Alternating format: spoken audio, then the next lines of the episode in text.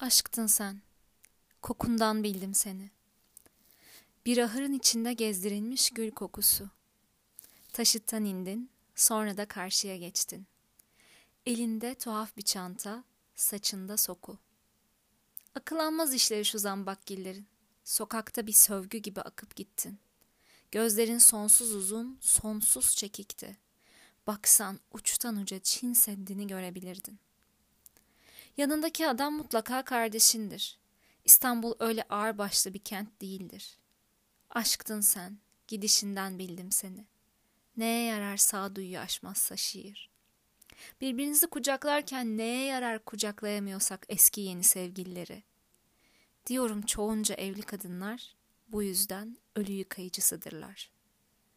Bilir misin acaba ne demiş tilki? Kişi bir anda nasıl çarpılı verir kuliste yarasını saran bir soytarı gibi. Giderek nasıl anlaşılmaz olur sözleri. Ömer ki gölü balığı için değil kamışı için vergilendirdiydi. Ama değnek vurulurken zavallı Uğru'ya yüzüne ve neresine değmesin derdi. Selam size büyük durumlar, doruk anlar. Dağ görgüsü kazanır ağrıyı bir kez görse de kişi, Marmara'dan 20 yılda çıkaramayacağı gerçeği okyanusu beş dakika seyretmekle kavrar.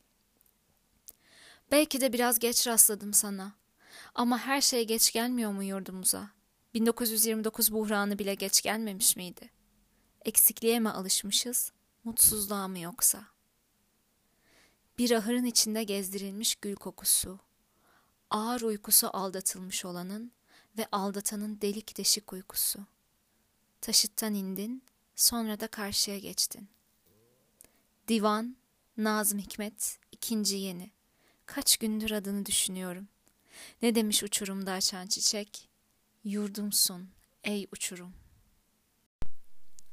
Uçurumda açan Cemal Süreya